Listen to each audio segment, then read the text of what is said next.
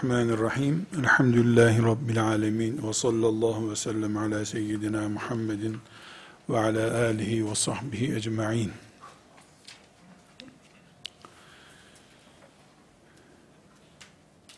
Herhangi bir Facebook sayfası, Twitter sayfası denen sosyal medyada bir alim bir ayet yazıp Allah buyuruyor ki dese mesela Fatiha'yı da yazsa herhangi bir ayet. Şöyle 10 bin 20 bin izleyicisi olan takipçisi olan bir sayfada bir saat içinde öyle notlar yazılıyor ki insanın dünyada mı yaşıyoruz? Deccal mı geldi? Deccal mı kontrol ediyor bu sosyal medyayı diye hayret edesi geliyor. Sahabi diyor ya o kadar kolay yani tabi dönemi için diyor. O kadar kolay din konuşuyorsunuz ki siz. Sizin konuştuğunuz meseleleri Ömer Bedir ashabını toplamadan konuşamazdı. Yani bir soralım bakalım ne deniyor diye. Tabi'in insanının yani ashab-ı kiramdan sonraki neslin ne kadarsa artık dini sulandırmaları ne rahat konuşuyorsunuz din hakkında diye kınıyorlarmış onları. Ki Abdullah İbni Mesud'dan bile böyle bir nakil var. Radıyallahu anh. Bugün harf inkılabından tesettür inkılabına kadar bir yığın inkılap görmüş neslin çocukları bile Facebook sayfasında şurada burada bir ayeti, bir hadisi şerifi, filan alemin sözünü demiyorum. İmam Gazali'ye verdikleri çirkin cevapları demiyorum.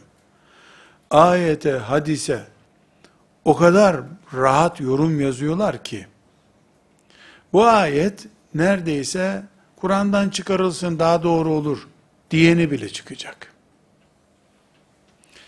Bunu kafirler yapsa, dertlenmeyiz. Niye dertlenmeyiz?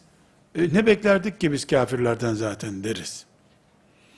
Ama Müslümanlık namına söz söyleme ve bu sözü keyfine göre söyleme cüreti diye bir hastalık var ortada. Bu bir sosyal medya sayfasında çok bariz bir şekilde gözümüze çarpıyor. Biraz ilerliyoruz. Caminin önünde oturan, öğle namazını bekleyen ihtiyarlar, gençler, esnaf, onlar da geçen gün hoca demişti ki diye hocanın okuduğu ayetin evirip çevirmesini yapıyorlar. Caminin önündekiler de bunu yapabiliyor. İlahiyat fakültesinde, hatta İmam Hatip Lisesi'nde talebeler Allah'ın ayetleri üzerinde ya öğretmenlerin organizesiyle ya da kendileri kendi başlarında kantinde çay içerken münazara yapıyorlar. Bu ayet böyle mi olmalı, şöyle mi olmalı? Bu hadis böyle miydi, şöyle miydi? Mezhepleri tokuşturuyorlar. Hanefi mezhebi daha doğru, Şafii mezhebi daha doğru. Bunu yok sayıyorum. Yani bu o kadar önemli bir şey değil. Kur'an ayetlerini bıyığı bitmemiş çocuklar. Yani şu bıyıkla beraber ilim bıyığı da bitmemiş henüz. Mürekkep yalamamış. Çocuklar Allah'ın ayetlerini oturup münazara konusu, ayak ayak üstüne atmış, belki de elinde cigarası, belki de abdesti yok, o gün sabah namazına da kalkamamış zaten. Bu kadrolar Allah'ın ayetlerini oturup keyiflerine göre yorumluyorlar. Bunun için dergiler çıkarıyorlar. Bunun için seminerler yapıyorlar. Filan yerde filan grubun yaptığı konferansa, seminere karşılık onlar burada bir seminer yapıyorlar. Yani Kur'an'ımız ve Peygamber aleyhisselam efendimizin hadis-i şerifleri ilim açısından söylüyorum. Çoluk çocuğun istediği gibi yazıp çizdiği, yorumladığı, bana göre dediği, bir ayetin altına istediği mülahazayı koymakta sakınca görmediği bir zamanda yaşıyoruz. Ve bu bir tartışma kültürü haline geliyor. Ve bunu Allah rızası için gençler yetişsin, söz hakkı olsunlar, medeni kimlikleri olsun, medeni cesaretleri olsun diye bir eğitim konusu olarak da yapıyoruz. Burada kardeşlerim konumuza girmeden sadece içimdeki yangını size yansıtmak için bir soru sormak istiyorum. Dinimizin elimizden gitmesi için ne bekliyoruz? Çoluk çocuğun Kur'an'ımızın ayetlerini, surelerin tanzimini bile kendilerine göre yapabilme cüreti gösterdikleri ve bunların namaz kılan insanların çocukları din gayeli okullara gönderilmiş çocuklar olmaları gözümüzün önünde ceryan ettiği halde elimizden dinimizin gitmesi ya da biz dinini zayi etmiş Müslümanlar olarak meleklerin siciline geçmemiz için ne bekliyoruz? Yahudinin topraklarımızı işgalini mi bekliyoruz? Yeniden bir İnönü'nün çıkıp Kur'an'ı yasaklamasını, ezanın susturmasını mı bekliyoruz?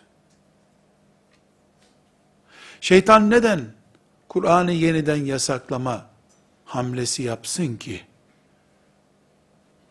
Değeri düşürülmüş, çoluk çocuğun elinde oyuncağa dönüşmüş. Sosyal medyada tartışılır hale gelmiş bir Kur'an'ın okullarda yasaklanması gerekmiyor ki artık. Okullarda serbest olması, ana derslerden biri olması bile zararlı değil onlar için. Şeytan için. Ne bekliyoruz daha? Kur'an'ımızı himaye etmemizin gerektiğine inanmamız için ne bekliyoruz diye soruyorum. Rabbim bu sorunun şahididir. Melekler hepimizi şu anda görüyorlar. Nerede bu söz dinleniyorsa görüyorlar. Dilerim ki Allah'tan benim bu sorum daha ne bekliyoruz Kur'an'a düşmanlık için? Kur'an'ın elimizden gitmesi için daha ne bekliyoruz? Sorum gereksiz, abartılmış, laubali bir soru olur inşallah diye temenni ediyorum. İnşallah. Bu bir temenni ama içimdeki hasreti söndürmüyor. Endişelerimi ne yazık ki kaldırmıyor. Halimiz bu. Okullar açılıyor, imam hatipler açılıyor, medrese üstüne medrese açılıyor. Herkes allame, herkes büyük büyük laflar ediyor. Koca koca konular konuşuluyor.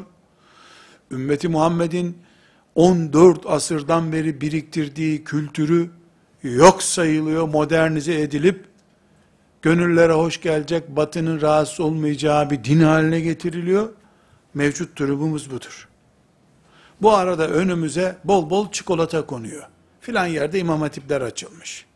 Filan hoca çok rahat konuşuyormuş. Filan hocanın dersleri şu kadar bin defa e, aranınca bulunup izlenebiliyormuş. YouTube'da filan hocanın dersleri izlenme rekorları kırmış. Bunlar mıydı Allah'ın bizden beklediği şeyler? Ashab-ı kiram Kur'an'ı böyle mi korudular? Kur'an bize YouTube kanalıyla mı geldi? İnternette yayılmasaydı biz Kur'an'ı nasıl muhafaza edecektik? Nimetleri kullanmakla nimetlere aldanmış olma arasında büyük bir çizgi var arkadaşlarım. Nimetin bolluğu eğer bizim o nimeti kullanma kültürümüzün yan çizmesine veya aldanmamıza sebep oluyorsa nimetler bizim için bir tuzak demektir. Bu tuzağı Allah da gönderebilir. İstidrac etmiş olur bize. Maazallah. Rabbim muhafaza buyursun. Ala külli hal bu gidişatı düzeltme anlamında değil bu dersim. Ama bu mevcut durumu dikkate alıp söylemek istediğim bir konu var. Biz şimdi böyle bir durum var. Sosyal medyada herkes konuşuyor diye. Çok konferanslar veriliyor diye. İmam Hatip liselerinde, ilahiyat fakültelerinde talebeler edeplerini bozuyorlar. İmam-ı Azam'ı çiğnemeye çalışıyorlar diye. Tartışmayacağız mı? Aramızda konuşmayacağız mı? Ben bu meseleyi anlamadım hoca efendi. Sen bunu nasıl anlattın? Bir daha anlatıver demeyeceğiz mi?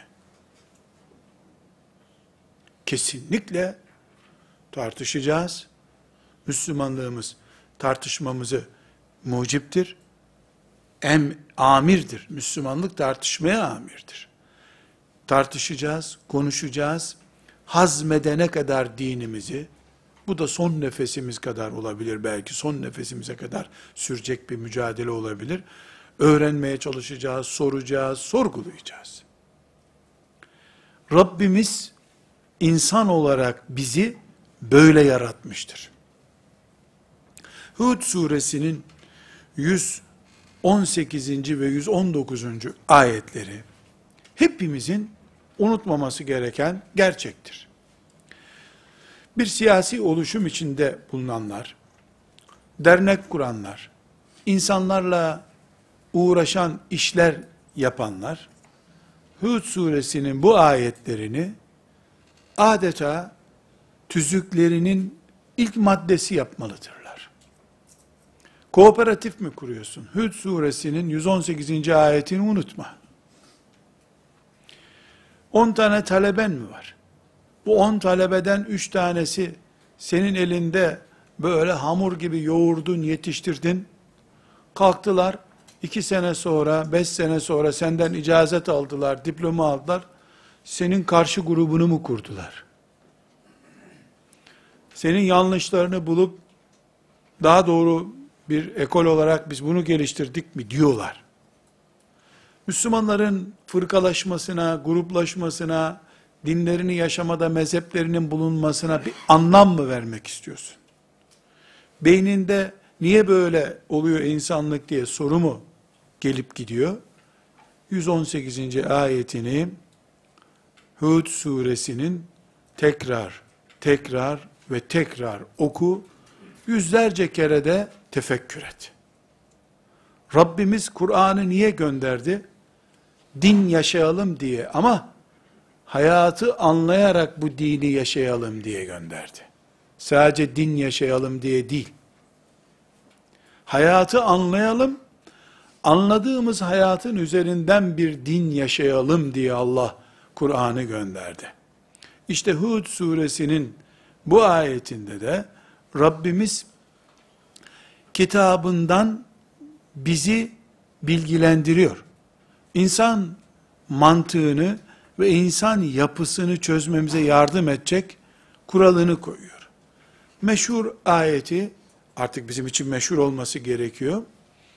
Bugünkü olayları süzmede ve kendi kimliğimizi, bir hoca efendinin talebesi hoca efendiye niye itiraz eder, nasıl itiraz eder, bunu anlamaya, niye şu kadar mezhep oldu, niye alimler birbirlerine e, karşı görüşler belirttiler, niye ashab-ı kiramın içinde de farklı görüşler oldu gibi soruların hepsinin cevabı Hud suresinin 118.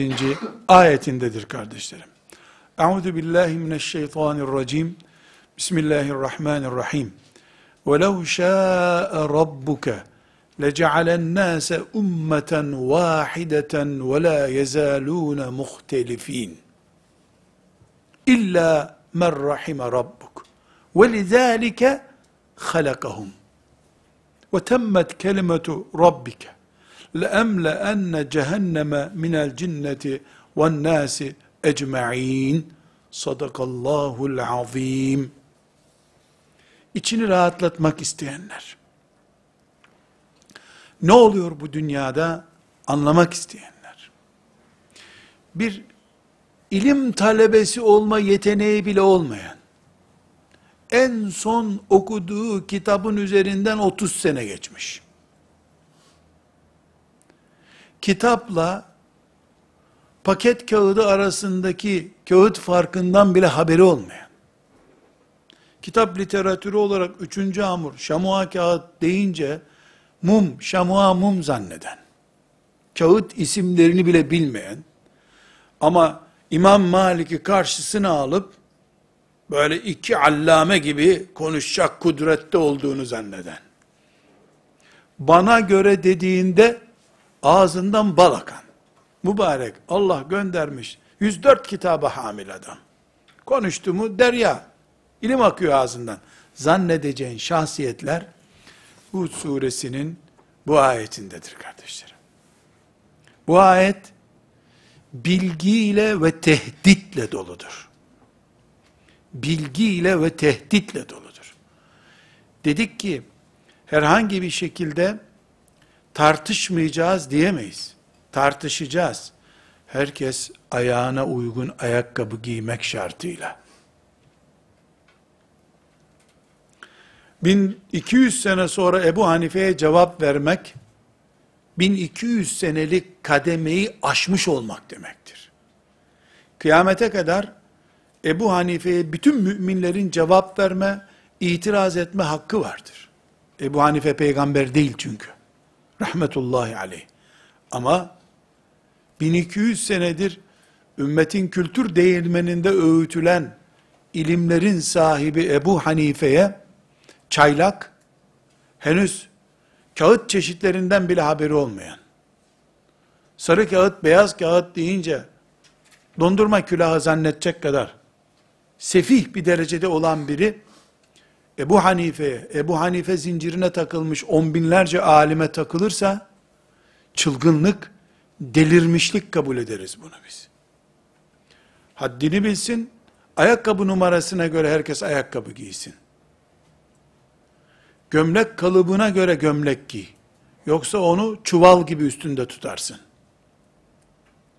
Ebu Hanife peygamber değil, masum değil, hiçbir sözü de ayet, hadis değildir. O da Allah'ın kullarından bir kuldur. Gayret etmiş, konuşmuş, bu dünyadan gitmiştir. Ebu Hanife ile tartışılır. Öldükten 1500 sene sonra, 5000 sene sonra bile tartışılır. Madem ümmetin önünde duruyor, Ebu Hanife ile tartışılır. Tartışıldı da nitekim. Ama bunu Allah'ın düşmanlarının gönlünü almak için yapamaz bir Müslüman. Şeytanın cilvelerine aldanıp da yapamaz. İlim adamları ise ilimlerinin gereği olarak Ebu Hanife'ye itiraz da ederler. Yanlış yapmakla, yanlış konuşmakla da itham edebilirler. Bu Hud suresinin ayeti kardeşlerim. Böyle zihinlerimizde nakş olacak müthiş bir döküman ihtiva ediyor. Bilgi ihtiva ediyor, aydınlatıyor, tehdit ihtiva ediyor. Beraber okuyalım.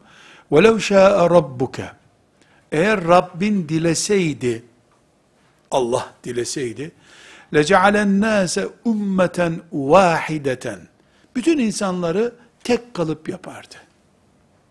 ve la yezalune tartışıp durmazlardı o zaman. Ve la yezalune tartışıp durmazlardı.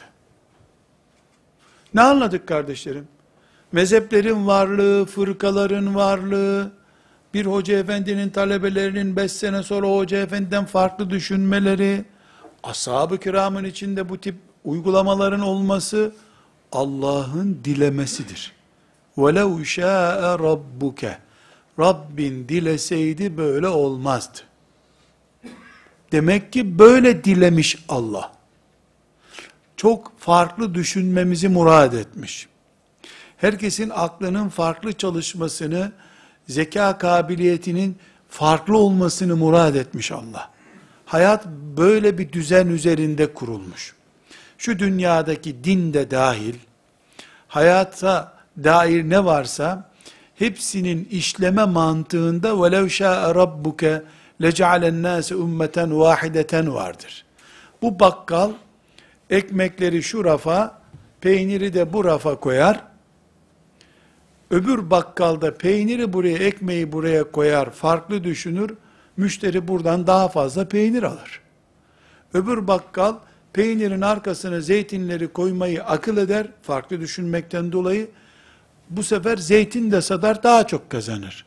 Bu örnek, din ilimlerini öğreten Ebu Hanife'nin öğretme mantığıyla Ahmet bin Hanbel'in din öğretme mantığı arasındaki farktır. Bu da dinin daha çok kar etmesi içindir. وَلَوْ شَاءَ رَبُّكَ de bu var. Rabbin dileseydi, sadece Ebu Hanife'nin mantığı üzerinden din yayılacak olsaydı, sadece Abdullah İbni Mesud'un mantığı üzerinden din yayılsaydı, sadece Ömer bin Hattab radıyallahu anh'ı ekol edinseydi Müslümanlar da, Ali bin Ebi Talib radıyallahu anh'ın keskin zekasından istifade etmeseydi ümmet, o da ikinci bir ekol olup Ömer'in karşısında yer yer çıkmasaydı, o zaman bu ümmet iki asrı, üç asrı bulmaz, Yahudilikte ve Hristiyanlıkta olduğu gibi kilitlenmiş bir dinin etrafında dağılıp dururlardı.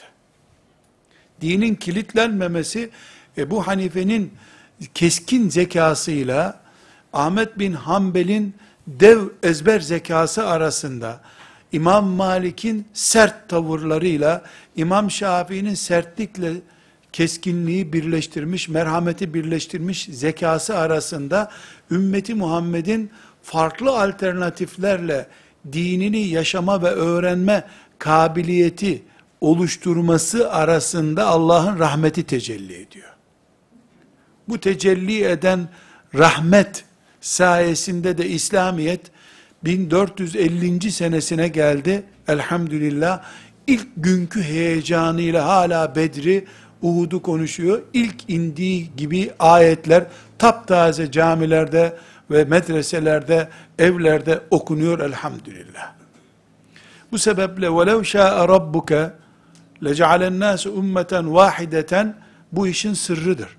Allah böyle e, murad etmiş. Hatta kardeşlerim Yunus suresinin 19. ayeti bu ayeti biraz daha açıklıyor. وَمَا كَانَ النَّاسُ illa ummeten vahideten. Orada Allah buyuruyor.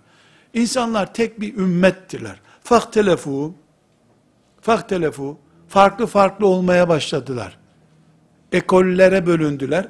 وَلَوْلَا كَلِمَةٌ سَبَقَتْ مِنْ رَبِّكَ Eğer Rabbin daha önce levh-i mahfuzda bunu bir kural olarak yazmış olmasaydı, bu ihtilaf edip farklı farklı düşünmeleri durumu kaderde yazılı olmasaydı, lekudiye beynehum fîmâ fîhî yehtelifûn. O ihtilaf ettikleri şeylerden dolayı helak olurlardı. Niye Allah helak etmiyor? Çünkü bu iş böyle olacak diye kanun koymuş. Yunus suresinin 19. ayeti. Bu kanun Allah'ın kanunudur. Sorunumuz bizim farklı ekollerimiz olmamız, farklı ekollerde olmamızda değildir. Farklı mezheplerin bulunmasında değildir. Bizim sorunumuz elma ile armudu birbirine kırdıracak akılsızlığımızdadır. Tek elma olsun dememizdedir. Halbuki meyve hepsinin adıdır. Allahu Teala insanlığın böyle farklı rengarenk yaşamasını murad etmiştir. Biz ise tek bir çeşitte kalmayı istiyorsak yanılıyoruz. aynı şekilde tek bir çeşitte değil de, tek bir çeşitte değil de, bizim çeşidimiz var, gerisi yok diyorsak yine yanılıyoruz. Hepimiz kadınlı erkekli, zencili, ziyahlı, beyazlı, kıvırcık saçlı, düz saçlı, hepsine toptan insan dediğimiz gibi, kafalarımızın farklı düşünmesini de kesinlikle var kabul etmeliyiz. Bu konudaki bu terbiyemiz bozulduğu zaman ortaya sorun çıkıyor. Bu terbiyemizi muhafaza ettiğimiz sürece ümmeti Muhammed'in içinde farklılık olmasında bir sıkıntı yoktur. Ama şimdi Hud suresinin ayetine tekrar dönüyoruz. Yani bu rengarenklilikte bir sıkıntı yok. Bu ümmeti Allah böyle murad etmiştir. İnsanlık böyle yaşayacaktır. İlla men rahime rabbuk. Rabbinin merhamet edip, rahmet edip, korudukları hariç, insanlar bu ihtilaftan dolayı helak oluyorlar. Hud suresinin ayetine geçiyoruz. Ne buyurdu ayetler? Rabbin dilediği için böyle rengarenk her şey, farklı farklı. Bu farklılık insan hayatı için gerekli. Rabbinin rahmetiyle lütfedip kurtardıkları hariç, bu farklılığa takılanlar helak olup gidiyorlar. İlla men rahime rabbuk. Ve lidâlike halakahum. Allah bu imtihan için yarattı insanlığı zaten. Ve lidâlike halakahum. Bu cümleyi unutmuyoruz kardeşler. Bu farklılığı, Ebu Hanife'yi, İmam Şafii ezmek için kullanıp kullanmayacağına, İmam Şafii ile Ebu Hanife'yi tekfir edip etmeyeceğine bakmak için Allah yarattı. Farklı farklı yaratma onun kanunuydu. Yoksa herkes helak ederdi farklı düşündünüz diye. Ashab-ı kiram mesela, Peygamber aleyhissalatü vesselamın sağlığında farklı düşünme tavırları gösterdiler. Ashab-ı kiram, Resulullah sağken, onun sağlığında bir emri şu şekilde, bu şekilde, o şekilde diye farklı düşündüler. Otomatik olarak helak olup kül olmaları lazımdı. Peygamber sallallahu aleyhi ve sellem sağken onun bir emrini şöyle mi böyle mi diye tefekkür ettikleri için. Ama illa men rahime rabbuk. Rabbin onları helak etmeyi murad etmedi. Neden? O farklı düşünceleri İslam'a ufuk olsun diye Allah onu murad etmişti zaten. Ama daha sonra Ebu Zer radıyallahu anh'ın farklı düşündüğünü bugün ekol haline getirip Müslümanların bir kısmını tekfir etmek, helak etmek için kullanan bir tartışma zemini oluşturursan sen illa men rahime rabbuk Rabbinin rahmet ettikleri hariç kısmına takılır kalırsın. Yani o o kısımda gidersin ve lizalike halakahum zaten bu farklılıkların böyle Allah tarafından murad edilmesinin sebebi de senin buna takılıp takılmayacağındı. Ebu Zer'e Ömer'i öldürtüp öldürtmeyeceğinidi. Sorun buydu zaten. Sen kendi dinini alıp yaşayıp ibadetini yapıp cihadını yapıp cennete gitmek için mi Hanefi mezhebindensin? Yoksa bir parti gibi ekolleşmiş bir grup gibi anlayıp gerisini yok sayan, batıl sayan bu Şafii bunun arkasında kıldığın namazı iade et. Şafii adam ya. Adam Şafii. Hele Maliki ise arkasına hiç geçme zaten. Hanbeli zaten radikal. Hanbeli zaten radikal. Bunu mu diyeceksin? Ben zaten Rabbimin dinini yaşamaktan başka derdim yoktu. Bana Ebu Hanife'nin talebeleri böyle öğrettiler. Ben de dinimi böyle yaşıyorum. Mı diyeceksin? Bunu görmek istiyor Allah. Evet çetin bir imtihan. Çetin bir imtihan. Yani biz ümmet olarak farklı hoca efendiler, farklı şeyh efendiler, farklı mezhepler ehli oluruz. Bu ümmetimize zarar vermez. Allah'ın imtihanı bu grupları putlaştırıp putlaştırmayacağımız noktasında başlıyor. Orada ayağa kayanlar ve lizalike halakahum. وَلِذَٰلِكَ خَلَقَهُمْ İşte bunun için yaratmıştım zaten. Bunda hiç Allah'ın gizlediği bir şey yok kardeşler. Bunun için yaratmıştım ben diyor. وَلِذَٰلِكَ خَلَقَهُمْ Ve temmet kelimetu rabbik. Allah'ın sözü bitmiştir. لَاَمْلَأَنَّ cehenneme minel cinneti ve nâsi ecma'in. Cehennemi cinlerle ve insanlarla dolduracağım diye Allah sözünü kullanmıştır bir kere. Bu Hud suresinin son ayeti. Burada müsaadenizle tartışma terbiyesi diye bir ders yapıyoruz. Aman birbirimizi üzmeyelim, sizli cümleler kullanalım, senli cümle kullanmayalım. Nazik olalım, mikrofona çok yaklaşma, sesin çok çıkmasın demek için bu dersi yapmadım ben. Tartışma terbiyemiz Hud suresinin son ayetinden kaynaklanıyor. لَاَمْلَاَنَّ cehenneme Cehennemi muhakkak dolduracağım. Minel cinneti ve nâsi ecmain. Cinlerle ve insanlarla dolduracağım. Diyor Allah, onun başında da وَلَوْ شَاءَ رَبُّكَ لَجَعَلَ النَّاسَ اُمَّةً وَاحِدَةً Dileseydim insanları tek grup yaratırdım buyuruyor. Bunun sonunu bitirirken de cehennemi dolduracağım ha diyor. İnsanlarla dolduracağım. Demek ki kardeşlerim, allame olmaya gerek olmadan anlaşılacak kadar açık bir ayet bu. Bu ümmet, fırkalaşmayı, gruplaşmayı dinin üstünde daha değerli bir konuma getirdiği zaman leemleenne cehenneme minel cinneti vel nâse ecmain ortaya çıkacak.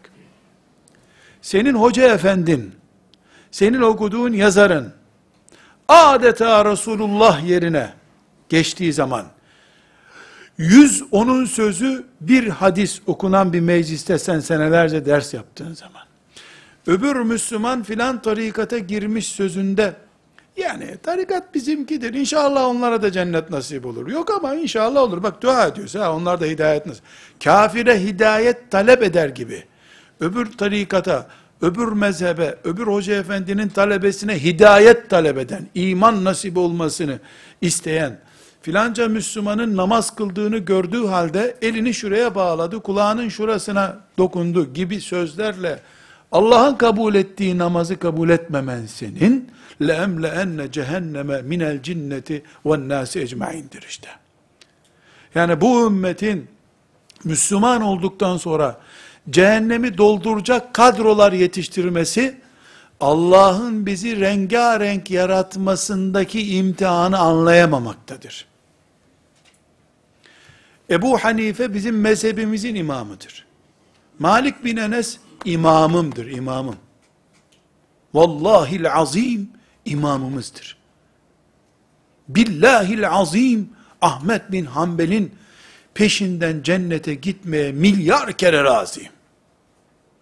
Peki niye ben Hanefi mezhebiyim diyorum?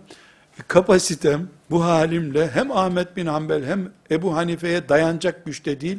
Yani trafon patlar yoksa. Bir Ebu Hanife buldum. Onda elhamdülillah şeriatımı tam görüyorum. Bir yerinde yetersiz görsem Ahmet bin Hanbel'in peşine takılır, ayaklarına bile kapanırım. Bir Ebu Hanife'nin talebesi olmam, mezhebinde olmam, kulu olmam anlamına gelmiyor. Bugün ümmeti Muhammed'in mezheplerdi, tarikatlardı, hoca efendilerdi, ekollerdi, vakıflardı. Bu tartışma terbiyesini çözmemesi halinde illa men rahime rabbuk Rabbinin rahmet ettikleri hariç kadrosuna girmedikleri takdirde Müslümanlar haçlı seferlerine gerek kalmadan birbirlerini imha edecekler zaten. Maazallah. Bunun için biz artık bir tartışma terbiyesi, tartışma ahlakı icat etmemiz lazım. Zira şeytan bu açığımızı çok iyi yakaladı. Bunu çok iyi kestirdi. Bunu kestirdiği için de gırtlağımızı sonuna kadar sıkıyor, nefessiz bırakıyor bizi. İşte bu Hud suresinin ayetinden dolayı tüyü bitmemiş çocukların ilim olarak tüy haline bile gelmemiş beden sahiplerinin ashab-ı kiramla tartışmaları. Ömer'in niye bu kadar kölesi vardı? Ali niye cariye kullandı? Fatıma'nın üstüne cariye kullanılır mıydı? diyen cengaver, kahraman alimler, fark etmeden şeytanın ekmeğine yağ sürüyorlar demeyeceğim Şeytana ekmek pişiriyorlar. Onlara bu cüreti veren de, eğitimi bu kıvama getirenler de bu hatayı yapıyorlar.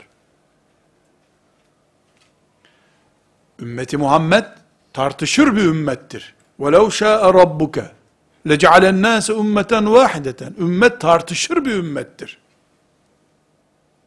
Ama herkes haddini bilir.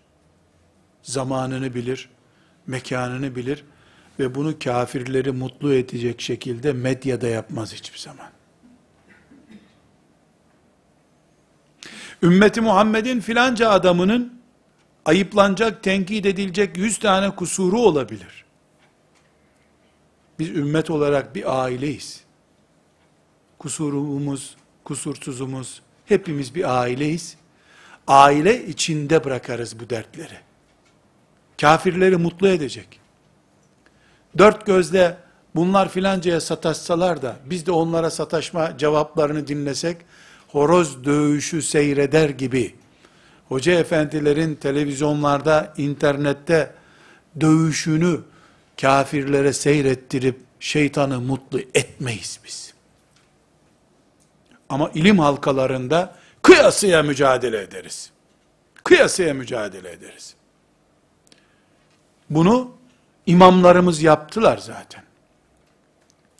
Burada kardeşlerim, bugün Müslüman nesillerin bu durumu bilememeleri aslında da böyle olduğunu göstermiyor. Bir örnek sadece zikredeyim. Bakın aslı nasıldı bu işin, şimdi nasıl? Ömer bin Hattab'a diyorlar ki, başkan devletin başında olduğu zamanda, bu hadis dersi açısından değil, neydik, ne oldu bakınız şimdi. Diyorlar ki, filanca kadın, kocası gurbette, kadın kocası gurbete gitmiş. Bu gurbetteki kadının evine çok misafir gidip geliyor. Yani er akrabası mı kim belli değil. Kadının evine hep misafir gidip geliyor. Ömer de demiş ki radıyallahu anh, haber gönderin kadın bana bir gelsin bakayım demiş. Yani ona ne diyecek? Ya ya bu kocan gurbette gelip giden akrabansa söyle insanlara işte akrabamdır bu. Millet suizan yapmasın senin hakkında diye nasihat edecek. Birisi gidiyor, kadının kapısını çalıyor. Ömer seni çağırıyor diyorlar. Kadın zaten kabahatli herhalde. Kadın da hamileymiş. Beni niye çağırsın Ömer? Kim bana iftira etti diye bağırmış kadın. Ya dırdır etme gel işte Ömer çağırıyor seni. Yani emniyete gel der gibi bir şey bu. Şimdi ne diyor? Savcılığa gel ifade ver geliyor. Kadın bir çığlık atıyor. O çığlıkla beraber doğum sancısı tutuyor ve çocuğunu düşürüyor kadın. O esnada düşürüyor çocuğunu. Yani çocuğu doğuyor diyelim. Doğunca da çocuk, çocuk da bir iki nefes almış, bağırmış çocuk da, ağlamış. Yani çocuk ölü doğsa gene çocuk öldü olacak. Fakat çocuk doğup iki üç çığlık atınca çocuk ne, bağırınca çocuk doğdu, çocuk da canlı öldü oluyor. Bu tabi büyük bir hukuk davası. Neden? Bir kadın e, tehdit kabul edilebilecek bir durumdan dolayı e, çocuğunu düşürüyor adeta ve ölüyor çocuk. Çocuğun davası bir cinayet davası. Ömer devletin başındayız biz kardeşim her şeyi haktan yapıyoruz filan demiyor. Şura meclisini topluyor. Şura meclisinde e, diyorlar ki e, diyor ki Ömer böyle bir olay oldu. Ben adamı gönderdim kadın bana gelsin diye. Kadın korkmuş. Demek ki kabahati vardı kadının. Durup dururken niye korktu? Doğum vakti de yaklaşmış olduğu için kadın korkudan çocuğunu düşürmüş. Normal doğum yapsa belki çocuk yaşayacaktı ama çocuk olağanüstü bir şartta ana rahminden çıktığı için çocuk öldü diyor Ömer. Şura meclisi kim? Bedir ashabı. Aşere-i Mübeşşere, Abdullah İbni Mesud gibi ashabın büyükleri, ensarın büyükleri, 50-60 kişilik bir meclisi var Ömer'in radıyallahu anh. Herkes söz alıyor ve şunu söylüyorlar. Diyorlar ki, bir devlet başı olarak sana gelen bir ihbarı değerlendirip, kadını çağırıp, bunun aslını sorman kadar tabii bir şey yok ki. Elbette normaldir bu. Elbette böyle olması lazım. Dolayısıyla bu en iyi ihtimalle kazadır. Keşke olmasaydı ama kaza olmuştur. Kaza olduğuna göre sana bir herhangi bir ceza gerekmez diyorlar. Toplantı dağılacakken Ali radıyallahu an Ali bin Ebi Talip elini kaldırıyor. Bir dakika ya amiral müminin diyor. Bir şey mi söyleyeceksin diyor. Bir şey söyleyeceğim tabii diyor. O kadın niye çocuk doğurduysa korktu senden. Bu adamlar da senden öyle korkup cevap verdiler herhalde diyor. Tabi sen haklısın. Senin şöhretin ürkütücü bir şöhret. Kadın senin ismini duyunca korkmuş. İşin aslında senin ağır tehdidin var. Bu bir cinayettir, bu diyeti ödeyeceksin Ömer demiş. Ali bin Ebi Talib radıyallahu anh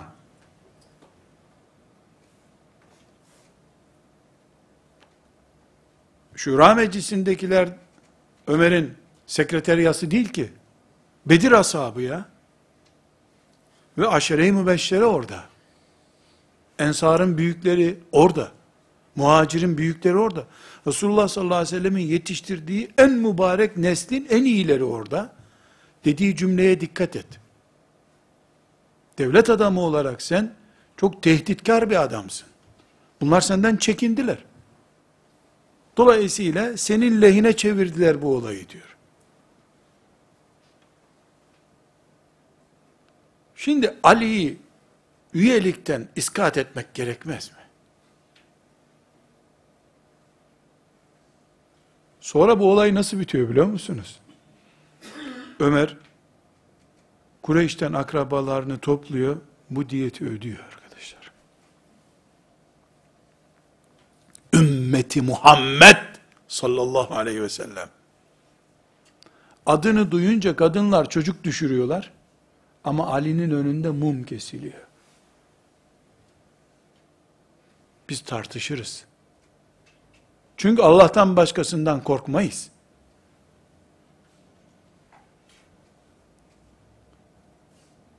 Bu çok büyük bir ölçüdür kardeşlerim. Ama terbiyemizi bilerek. Aynı Ali, Ömer'in cenazesinde ne dedi? Aynı Ali. Burada bu şekilde. Çünkü neden? Kıyamet günü bildiğini söylememekten korktu. Bu adamlar senden korktular onun için senin lehine konuşuyorlar dedi. Aslında oylamaya verilseydi Ali onu kaybederdi. Ömer'in içinde de zaten bir korku var. Kıyamet günü bu çocuğun katili olarak ben dirilir miyim diye. Ali'nin dediği Ömer'le birleşince oylamada yapmadı bir daha. Şu tavra bak, şu delikanlılığa bak. İbn Abbas ne diyor? Ömer'in cenazesi için saf olduk. Ömer'in cenazesini kılacağız. Arkamda hıçkırıkla birisi ağlıyor. Ve diyor ki ah Ömer peşinden gelemeyeceğimiz kadar yükseklerdeydin diyor. Döndüm baktım Ali bu sözleri söylüyormuş diyor. Ne anlaşılıyor bundan? Ali radıyallahu anh'ın gözünde Ömer'in yeri ulaşamayacağı bir adam. Bunu böyle biliyor. Ama Allah korkusu hakkı söylemeyi engellemiyor. Bu Nesai'nin Sünen'inde, Sünen-i Kübrası'nda rivayet ettiği bir hadis. Ben buna bir ilave yapayım. Tahminimle konuşayım. Sizce arkadaşlar, Ömer dönüp deseydi ki, Ali, tamam alim bir adamsın, kabul. E, insaf et. buradakiler senin baban yaşında adamlar. Bedir ashabı, aşere-i mübeşşere. E sen Ali yanlış düşünüyorsun herhalde deseydi ben söylediğimi söyledim. Siz ne yaparsanız yapın. Çünkü kendimi rahatlatmak istiyorum ben. Kıyamet günü niye söylemedin denmesin bana istiyorum. Selamun aleyküm deyip sarılıp çıkacaklardı oradan. Ne Ali bu itirazı yaptığı için Ömer vay be hem bizim üyemiz ol hem de bizim aleyhimizde oy kullan dedi. Ne öyle yaptı? Ne de Ali'nin itiraz etmesi muhtemeldi.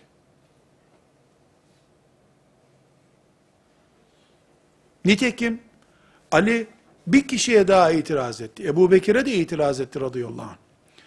Fatıma annemiz Resulullah sallallahu aleyhi ve sellem'den kalan bir katır, ibrik gibi iki üç eşyası vardı. Vefat edince Efendimiz sallallahu aleyhi ve sellem Ebu Bekir'e dedi ki babamın hatıralarını bana ver dedi. Tek kızı zaten var, tek çocuğu var. Tabii bir istek bu. Ebu Bekir radıyallahu anh da buyurdu ki, Resulullah'ın bize vasiyetidir. Peygamberin bıraktığı şey ailesine kalmaz, ümmetine kalır. Ben bunu sana verirsem, ümmeti bir kişiye indirgemiş olurum, veremem dedi.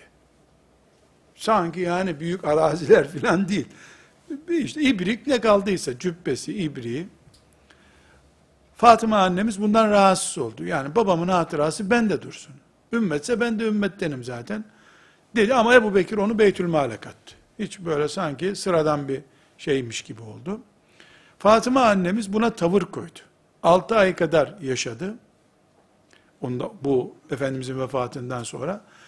Ali radıyallahu anh da peygamberin kızı ve eşi Fatıma'nın hatırını kırmamak için Ebu Bekir'e sıcak bakmadı. Ama Ebu Bekir ordu gönderirken en önde durdu. İtaatte bir sıkıntı yok. İtaat emirül müminin olduğu için itaat ediyor. Fatıma annemiz vefat edince geldi özür diledi. Ben Resulullah'ın kızının hatırı kırılmasın istedim dedi. Hiçbir sıkıntı yok. Ebu Bekir de zaten bugüne kadar gelmedin diye filan bir şey demedi. Ümmeti Muhammed böyle bir ümmet idi. Böyle bir ümmet idi. Kıyamete kadar da böyle kalması gerekiyordu. Sanal bir şekilde kimse çıt çıkarmıyor. Böyle despot bir anlayış yok. Herkes sesini çıkarıyor. Herkes sesini çıkarıyor. Ama edebiyle. Edebiyle. Ebu Bekir radıyallahu anh'la başka bir sahabi tartışıyorlar. Arazi üzerinden bir tartışmalı. İki insan tartışıyorlar. Diyorlar ki o Ebu Bekir'le tartışana e git Resulullah sallallahu aleyhi ve selleme söyle hakkını ya diyorlar. İlk dostunu nasıl şikayet ederim Resulullah'a ben diyor. Tartışmamak diye bir şey yok. Haddini bilmek diye bir şey var. Edebini biliyorsun.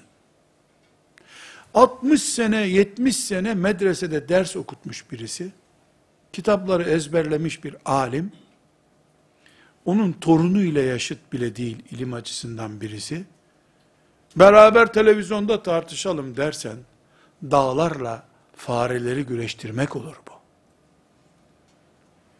Ümmetimiz, bastırılmış bir ümmet değildir.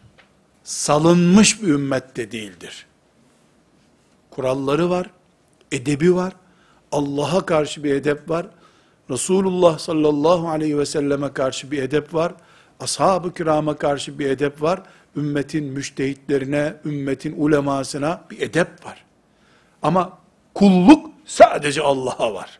Sadece Allah'ın kullarıyız. Anamızdan babamızdan daha çok sadece Resulullah'ı seviyoruz. Sallallahu aleyhi ve sellem. Dolayısıyla teslimiyetimiz de öyle. Aynı şekilde ashab-ı kiramı hacı amca gibi de görmüyoruz. Ümmetin büyükleri, şerefli isimleri olarak görüyoruz. İsimlerini ağzımıza lakayt olarak almıyoruz.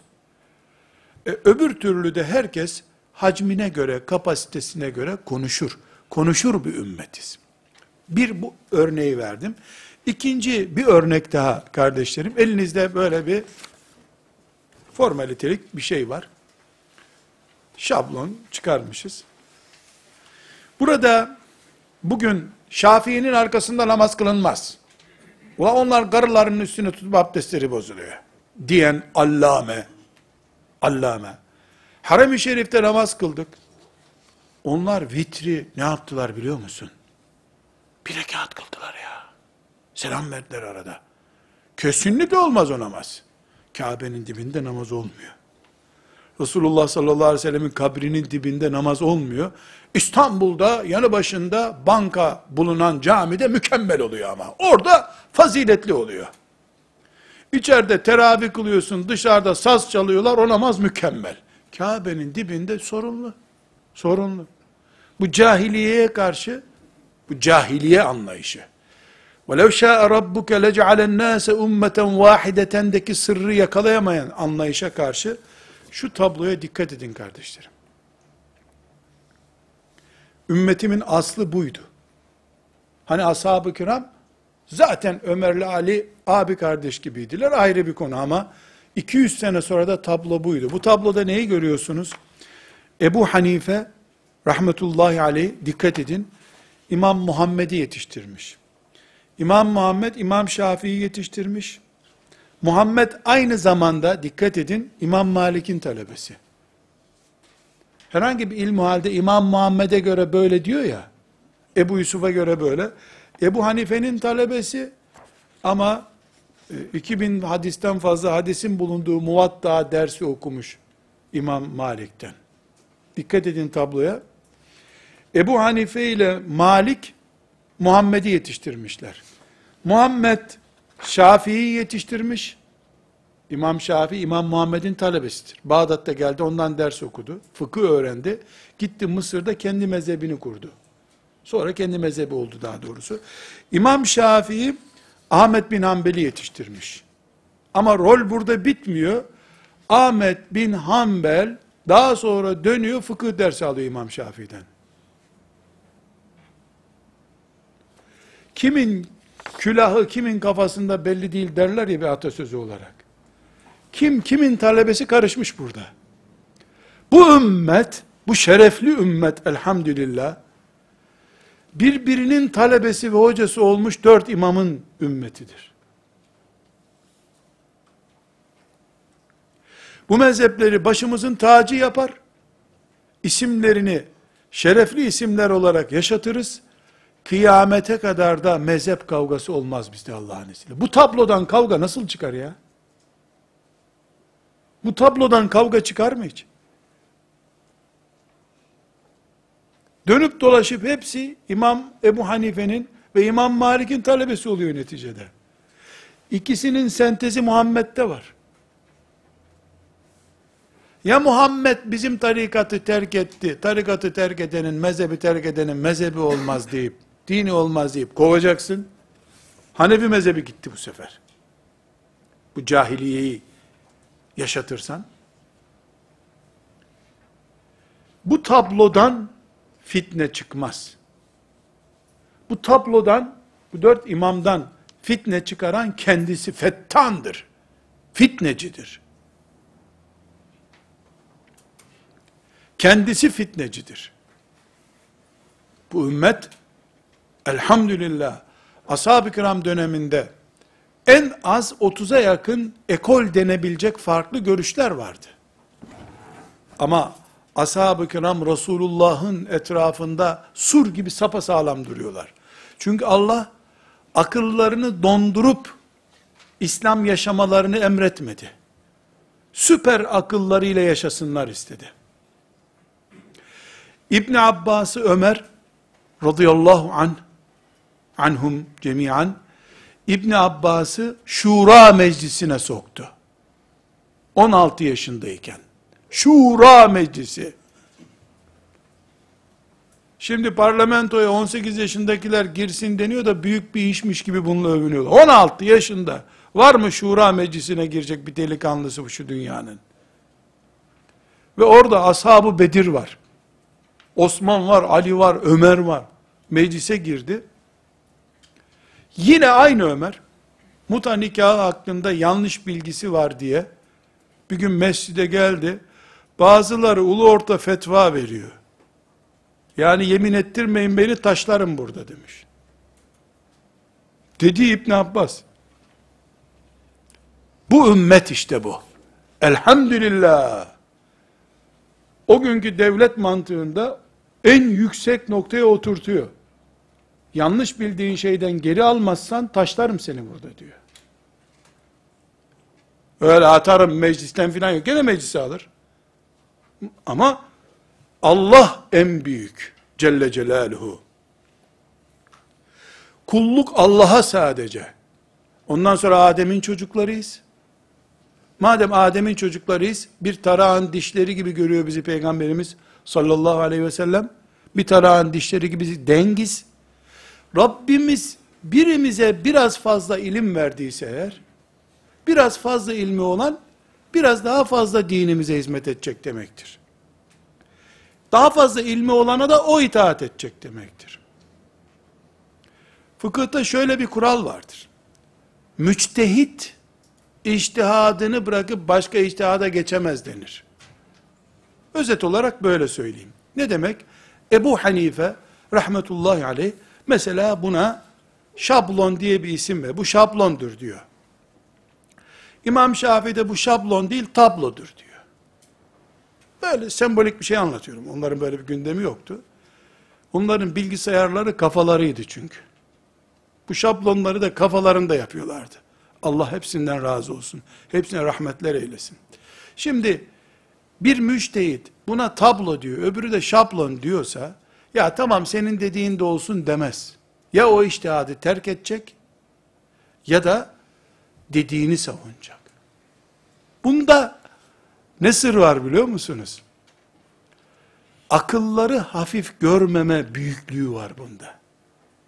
Madem sana iştihat hakkı verdi Allah, sen de iştihad ettin, bu iştihadın da doktora tezini tamamlamak için değil, bitirme tezi yapmak için değil. Dört yıl okudun bu ilahiyatta, bu okulu bitirirken bir tez hazırla, bunun için değil. Cihat görüyorsun, cihat heyecanıyla yapıyorsun, büyük bir gayret yaptığını düşünüyorsun. Madem böyle, bu sözünün arkasında duracaksın. Ki, senin aklın hafife alınmış olmasın. Ümmeti Muhammed kalitesi bu.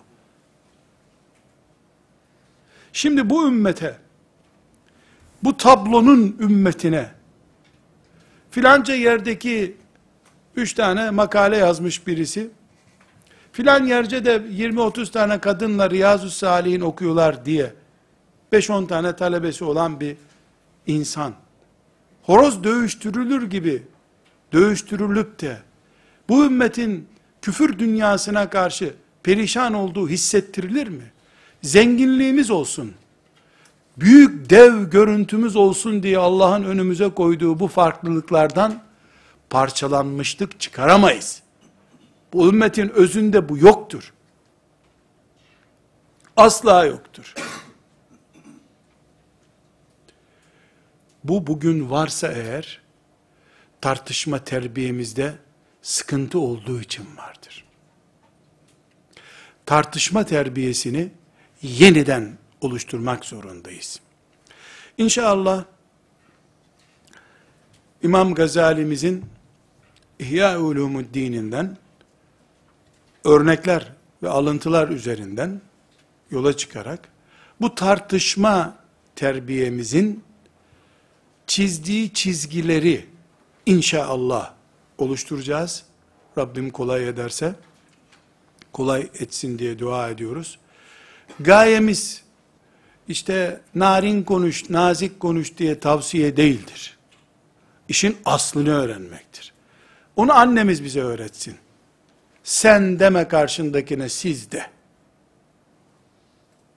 Bu ilkokulda öğrenilmesi gereken bir şeydir. Ümmeti Muhammed düzeyinde bizim bir kalitemiz vardır bu kalitemiz pahalı da olsa uygulanabilir bir kalitedir. Buna talibiz. İnşallah bunun için mücadele edeceğiz. Ve sallallahu ve sellem ala seyyidina Muhammed ve ala alihi ve sahbihi ecma'in velhamdülillahi rabbil alemin. قل إن كنتم تحبون